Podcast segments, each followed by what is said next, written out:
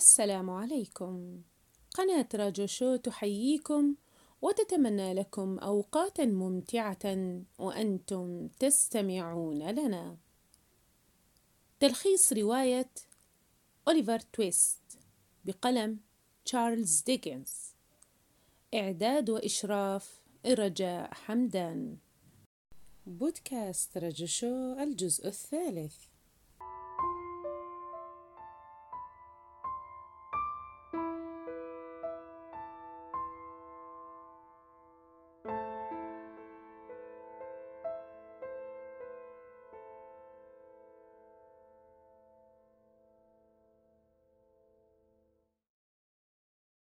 ومحطم القلب. ثم بعدها تجمد على حاله بشكل فجائي أثناء ما كانت الشمعة تذوب ببطء في مكانها. ثم قام ووقف ونظر نظرة حوله. نظرة طويلة مليئة بالحذر. وبعدها راح يصغي في توجس وانتباه. ثم رفع قفل الباب في هدوء ونظر إلى الخارج. كانت ليلة معتمة شديدة البرودة. وكانت النجوم في عيني أوليفر تبدو على أبعد ما يمكن من مسافات عن عينيه. ثم عاد وأقفل الباب في هدوء وراح على ضوء الشمعة القليل يلم ملامس يلم ملابسه البسيطة في صرة وجلس على أحد الكراسي الخشبية يراقب بزوغ الفجر. ولم تكد خيوط الشمس تمد خيوطها. البسيطة وتشق طريقها عبر فتحات النوافذ حتى قام أوليفر وفتح قفل الباب مرة ثانية. ثم تلفت حوله برهبة وحذر وقد تردد للحظات قبل أن يغلق الباب خلفه ولكنه بلحظة قرار حازمة أغلق خلفه الباب ليجد نفسه أخيرا في الطريق. كان يفكر في أي طريق يمكنه أن يجري ويهرب ثم فطن أنه كان قد شاهد العربات وهي تغادر البلدة وتسير في إحدى الممرات الضيقة فسلك ذات الطريق وبعد فترة من الزمن كانت الساعة شارفت على الثامنة صباحا تقريبا.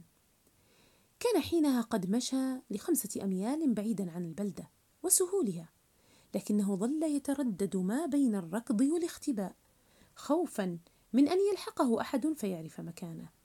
ثم أخيرا قام بالجلوس إلى قرب لوحة عامة ليستريح لوحة لتحديد الاتجاهات والطرق وراح يسأل نفسه للمرة الأولى أين يمكنه أن يذهب ويجرب كسب رزقه؟ كانت هذه اللوحة التي جلس تحتها تشير ببعض الحروف الكبيرة أن مدينة لندن تقع على بعد حوالي سبعين ميلا تماما عن المكان الذي يجلس فيه أوليفر وأثار اسم المدينة سلسلة أفكار جديدة في عقل الفتى. لندن ذلك المكان الهائل الضخم لا أحد هناك سيعثر عليه. استحالة! بالإضافة أنه لطالما سمع أصحاب الملجأ يقولون إنه لن يجوع ولد نشيط في لندن حيث أن هناك ألف طريقة يمكنه من خلالها كسب المال والعيش فأصحاب الريف البسطاء لن يتصوروا سعة العمل في لندن. قال أوليفر لنفسه إن لندن هي المكان الأنسب لفتى بلا منزل مثله. وخلال تفكيره بهذه الأفكار قفز واقفا وأكمل السير. بالرغم من أنه لم يكن بحوزته سوى قميص جديد وقطعة خبز وجورب نظيف وبنس واحد. إلا أنه لم ينوي أن يحبط نفسه ووضع هدفه لندن ثم تابع سيره بسلام وهمة. وفي وقت مبكر من ذلك اليوم وبعد, وبعد سبع أيام قضاها أوليفر ماشيا من مسقط رأسه مر أوليفر في طريقه ببلدة بارنيت البسيطة. وقرر أن يدخلها. كانت النوافذ مغلقة والطريق فارغة من الناس والشمس تشرق بهدوء. جلس أوليفر قرب عتبة باب منزل من المنازل يريد أن يستريح قليلا. كانت قدماه قد أدميتا وبدأتا تنزفان من كثرة المشي. وما هي إلا سوى وقت قصير حتى فتحت النوافذ حتى فتحت النوافذ والستائر ودبت الحياة بالشارع وراح الناس يسيرون جيئة وذهابا أمام أوليفر وهم مسرعون يتجهون إلى أعمالهم. لكن لا أحد بينهم كلف ذاته أن يسأل أوليفر سؤالا واحدا عن حاله. بعد بضع الوقت مر رجل عبر الشارع واتجه نحو أوليفر ووقف أمامه ثم قال له مرحبا أيها الصغير أي أمر مهم يجعل بالك منشغلا هكذا؟ رد أوليفر والدموع على وشك السقوط من عينيه.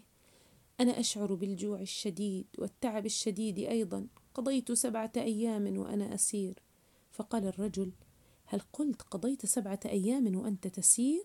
أجل لقد فهمت. ومد الفتى الكبير يده لأوليفر كي يساعده على الوقوف ثم أخذه لمحل سمان قريب وابتاع مقدارا من اللحم والخبز وقدمهما إلى أوليفر. بدأ أوليفر بتناول الطعام بنهم وبسرعة فهو في غاية الجوع بينما راح هذا الرجل الغريب يراقب أوليفر بتمعن وتفكير عميقين وعندما انتهى أوليفر من تناول الطعام سأله الرجل أمتجه أنت إلى لندن؟ أجاب أوليفر أجل يا سيدي الرجل هل تملك هناك منزلا تأوي فيه؟ لا يا سيدي الرجل وهل تستطيع أن تطعم نفسك هناك؟ لا. هل أنت تسكن هناك يا سيدي؟ نعم وأعتقد أنك بحاجة لمكان تنام فيه الليلة هذه صحيح؟ أنا بحاجة لذلك فأنا لم أنم أسفل سقف منذ غادرت بلدتي. لا تقلق أنا أعرف رجلا عجوزا طيب القلب سوف يجعلك تبيت عنده بالمجان ولن يأخذ منك بنسا واحدا. طالما أنا من سأقدمك له؟ كان هذا العرض مدهشا لأوليفر. النوم في منزل له جدران وسقف. لم يستطع أن يقاومه أبدا. تحديدا بعدما أخبره الفتى أن الرجل العجوز سوف يقوم بتشغيله وجعله يعمل سريعا دون تأجيل. بعد ذلك تحول الحوار إلى حوار لطيف وودي أكثر بحيث عرف أوليفر أن اسم الشاب هو جاك داوكنز وأنه يعمل لدى هذا الرجل العجوز ويعتبر الفتى الأكثر أهمية لديه لأنه أثبت نفسه في الأعمال التي وكلها إليه. وبعدها خرج كلاهما منطلقين إلى لندن وبالحقيقة أوليفر ظل مبقيا عينيه مركزتين على جاك والذي كان يسير وهو يعرف تماما لندن كاملة. والأهم الطريق إلى الرجل العجوز. انعطف نحو حي من الأحياء وقد أخبر جاك أوليفر أنهما اقتربا من الوصول. ولم يستطع أوليفر ألا يلتفت حوله بنظرات خاطفة على جوانب الشارع.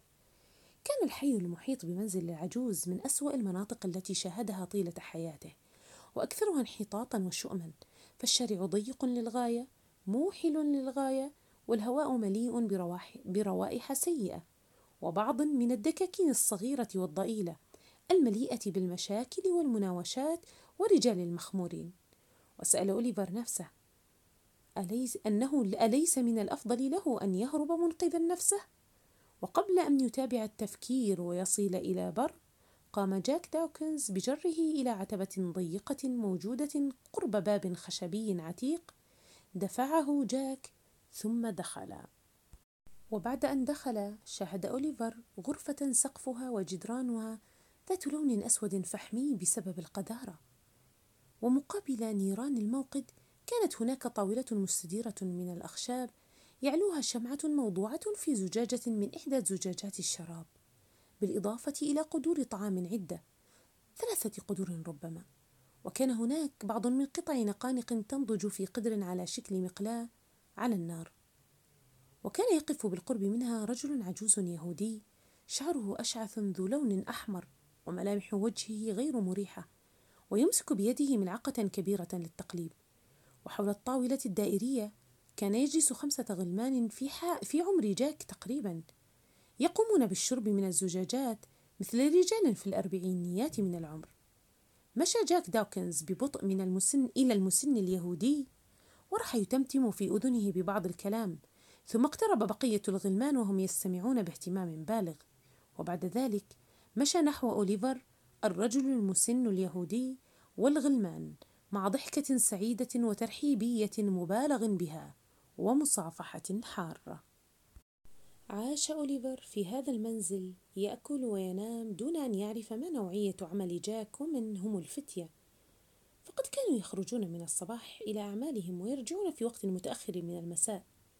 ذات مرة قال اليهودي سوف يحين الوقت المناسب؟ ويسمح لك بالمشاركة في ويسمح لك بالمشاركة بالعمل. كان يلفت انتباه أوليفر ويدهشه أنه في كل اجتماع وبعد الانتهاء من تناول الطعام يقوم العجوز والغلمان بلعب لعبة واحدة تتكرر. كان العجوز يضع علبة السجائر في واحدة من إحدى جيوب بنطاله ثم يضع منديلا فاخرا في جيبه الآخر. ويبدأ بالسير داخل الحجرة ذهابا وإيابا مقلدا في ذلك الأسلوب الذي يسير فيه كبار السن في الشوارع المختلفة وكان يقف برهة عند الباب وبرهة قرب المستودع. وأخيرا وعلى غفلة وبلحظة سريعة انقض جاك وفتى آخر عليه وقام بأخذ علبة السجائر من جيبه وهم يضحكون. ثم يعاودون اللعبة مجددا. وبقوا هكذا يلعبون حتى إذا انتهوا فتحت الباب فتاتان ودخلتا وهما جزء من الفريق. إحداهما كان اسمها نانسي والأخرى بيت. وذات يوم من الأيام عاد كل من جاك والفتيان بلا شيء في أيديهم. فغضب الرجل العجوز اليهودي وقرر أخيرا أن يعلموا أوليفر ويأخذوه معهم. فرح أوليفر بشدة وسار بجوار جاك والغلام الآخر مسافة لا بأس بها. ثم توقفوا في شارع من الشوارع. قام جاك بلكز أوليفر بمرفقه كي يجذب انتباهه إلى رجل عجوز محترم يقف أمام دكان كتب وفي يديه كتاب يقرأه باندماج شديد تساءل أوليفر ماذا هناك؟ فأجابه جاك إن هذا الرجل عبارة عن صيد ثمين للغاية وبسرعة ركض جاك والفتى الآخر باتجاه الرجل المحترم ومدوا أيديهم باتجاه جيبه بحركة خاطفة وخطفوا منديلا ثمينا ثم فروا هاربين واختفوا في أحد المنعطفات. بسرعة وبقلق تفقد الرجل المحترم المحترم نفسه وجيوبه والتفت حيث يقف أوليفر الذي كان متصلبا مكانه يرتجف. لقد فهم أخيرا أن جاك سارق وأنه يعيش مع عصابة سرقة. ارتعد أوليفر وفر هاربا إلى الخلف. عندها اعتقد الرجل المحترم أن أوليفر هو السائق فركض خل هو السارق فركض خلفه وهو يصيح أوقفوا اللص! انطلق عدد من الرجال الموجودين في المنطقة يركضون خلفه وأخيرا قاموا بإيقافه وضربه ولكمه فوقع أوليفر على الشارع منهكا وقام بإحاطته وتحلق حوله حشد من الناس وتدافع أناس آخرون وهم يتشاجرون من أجل أن يشاهدوا أوليفر المطروح أرضا. وفورا قاموا بسؤال السيد المحترم هل هذا هو الفتى الذي سرقك؟ فرد عليهم على الأغلب وكان أوليفر متوجعا مملوءا بالطين والغبار والدم ينزف من بين شفتيه وينظر بذهول في وجوه المحيطين به. وكان السيد المحترم يحدق في أوليفر وأحس أنه يعرف أوليفر من قبل دون أن يدري بالضبط أين أو متى. أخذ رجال أوليفر وجروه إلى مغفر الشرطة برفقة الرجل المحترم وأمام ضابط المغفر شرح الرجل المحترم بهدوء تفاصيل ما حصل بالضبط فأقر الضابط بسحب أوليفر إلى السجن وهمس الرجل الماجد وهو ينظر في أوليفر بود ولطف من فضلك أيها الضابط لا تعامله بقسوة فكما ترى أنه, إنه طفل متعب وينزف دما. استعد الرجال لسحب أوليفر إلى السجن حين جاء صوت من الخارج يصرخ توقفوا توقفوا لدي ما أقوله. كان الصوت لصاحب دكان الكتب وجاء ليشهد فقد شاهد بالضبط ما حدث وأن الفتية الآخرون هم من قاموا بهذه الجريمة وأن أوليفر ليس بسارق. وأقسم على ما قاله حينها سقط أوليفر مغمي مغمى عليه من التعب والإرهاق. عندها تقدم هذا الرجل المحترم وأخذ أوليفر وحمله في عربته إلى منزله. وكان هذا الرجل يدعى براونلو. سارت المركبة مسرعة قاطعة ذات الطريق الذي كان أوليفر قد مر به عندما عبر إلى لندن برفقة جاك داوكنز. ثم حولت مسارها باتجاه سبيل آخر وتوقفت في نهاية الأمر أمام بيت أنيق موجود في طريق هادئ ظليل. على الفور تم ترتيب سرير رقد فوقه أوليفر في عناية وسلام. فسكنت نفس السيد الماجد براونلو لسلامة أوليفر الصغير في حين تنعم الآخر بود وحنان لم يرزق بها أحد أبدا. وبقي طوال أيام عدة غير واع لشيء من لطف أصدقائه الجدد ورقتهم. وأشرقت الشمس وغابت ثم أشرقت وغابت وبقيت على هذه الحال عدة مرات أخرى. والغلام بقي ممددا على سريره ينهج تحت أوجاع الحمى المتعبة ثم أفاق أخيرا. ضعيفا هزيلا مصفرا كما لو كان في حلم طويل. وانهض بجسده من الفراش ببطء ببطء مسندا رأسه إلى يده الراجفة وراح ينظر فيما يحيطه نظرات كئيبة ومتوترة. وقال ما هذه الغرفة؟ أين أنا الآن؟ خففت من روعه عجوز حنون وطيبة كانت تجلس إلى جواره. قالت له إنك في بيت السيد المجيد براون لو. وقد أمر أن يتم التعامل معك بأفضل تعامل وأن يقدم لك أفضل دعم. عندها عاد أوليفر إلى النوم بطمأنينة وسلام لثلاثة أيام أخرى. ثم قام أخيرا وقد بان عليه بعض الحيوية على محياه وخف عنه التعب وتحدث وثرثر مع العجوز الطيبة عن عدة أمور جزءا منها كان حول اللوحة الزيتية لامرأة غاية بالعذوبة معلقة فوق سرير أوليفر. وبعد انتهاء الحديث بينهم دق أحدهم باب الغرفة ثم دخل. وكان هو السيد الماجد براونلو وانتصب أوليفر واقفا وقد انحنى باحترام لهذا الرجل الذي ساعده. ثم سأل السيد براونلو الماجد أوليفر عن وضعه الصحي فأجابه أنه أحسن بكثير. لكن فجأة اصفر براونلو وقلب نظره ما بين اللوحة الزيتية وأوليفر ثم همس للسيدة العجوز يا الله كم هو تشابه الملامح قريب بين ملامح هذه المرأة وأوليفر؟ ومرت دقائق تمعن لتمعنها براونلو في ذلك الشبه ثم أمر بطيبة أن ينزل أوليفر ليتناول معهم طعام الغداء بالأسفل.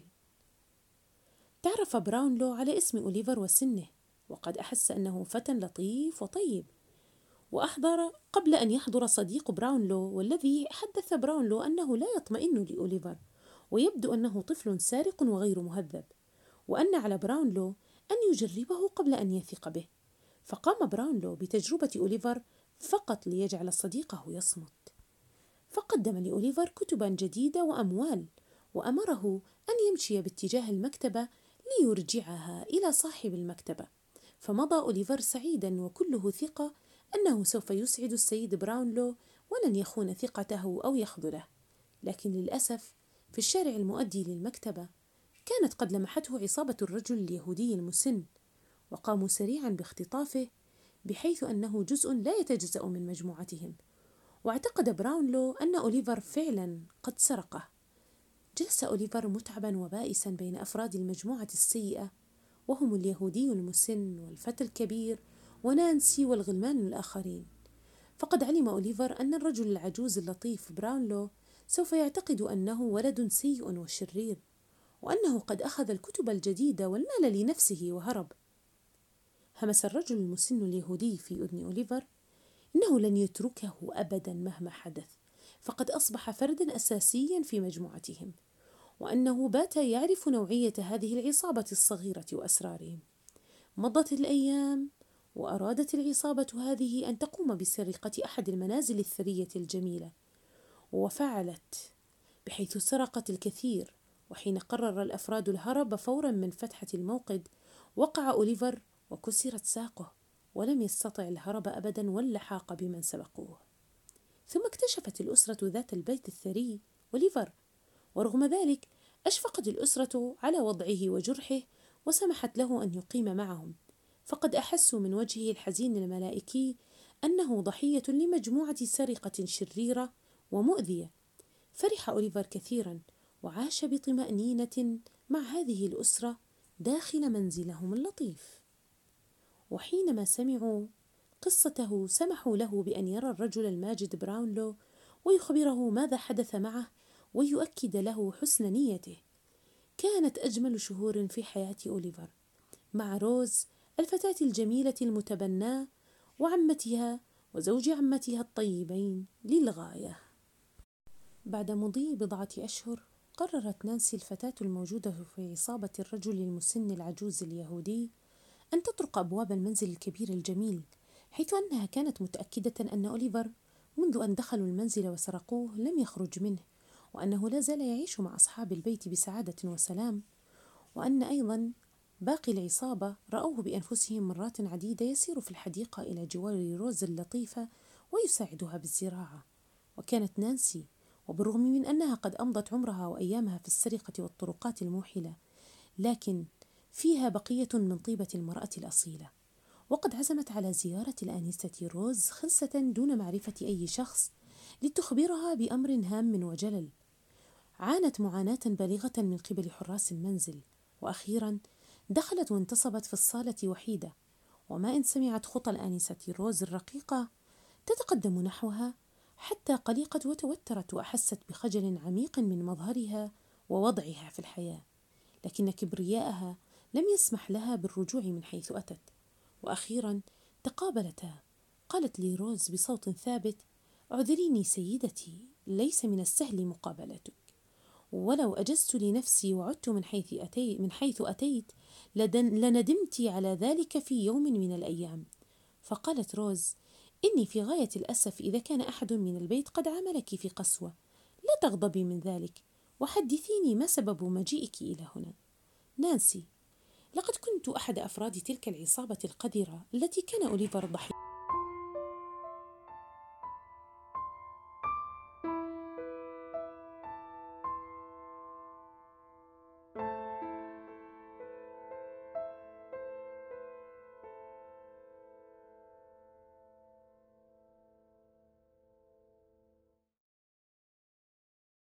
نهاية الجزء الثالث بودكاست رجو شو. إلى اللقاء في الجزء الرابع.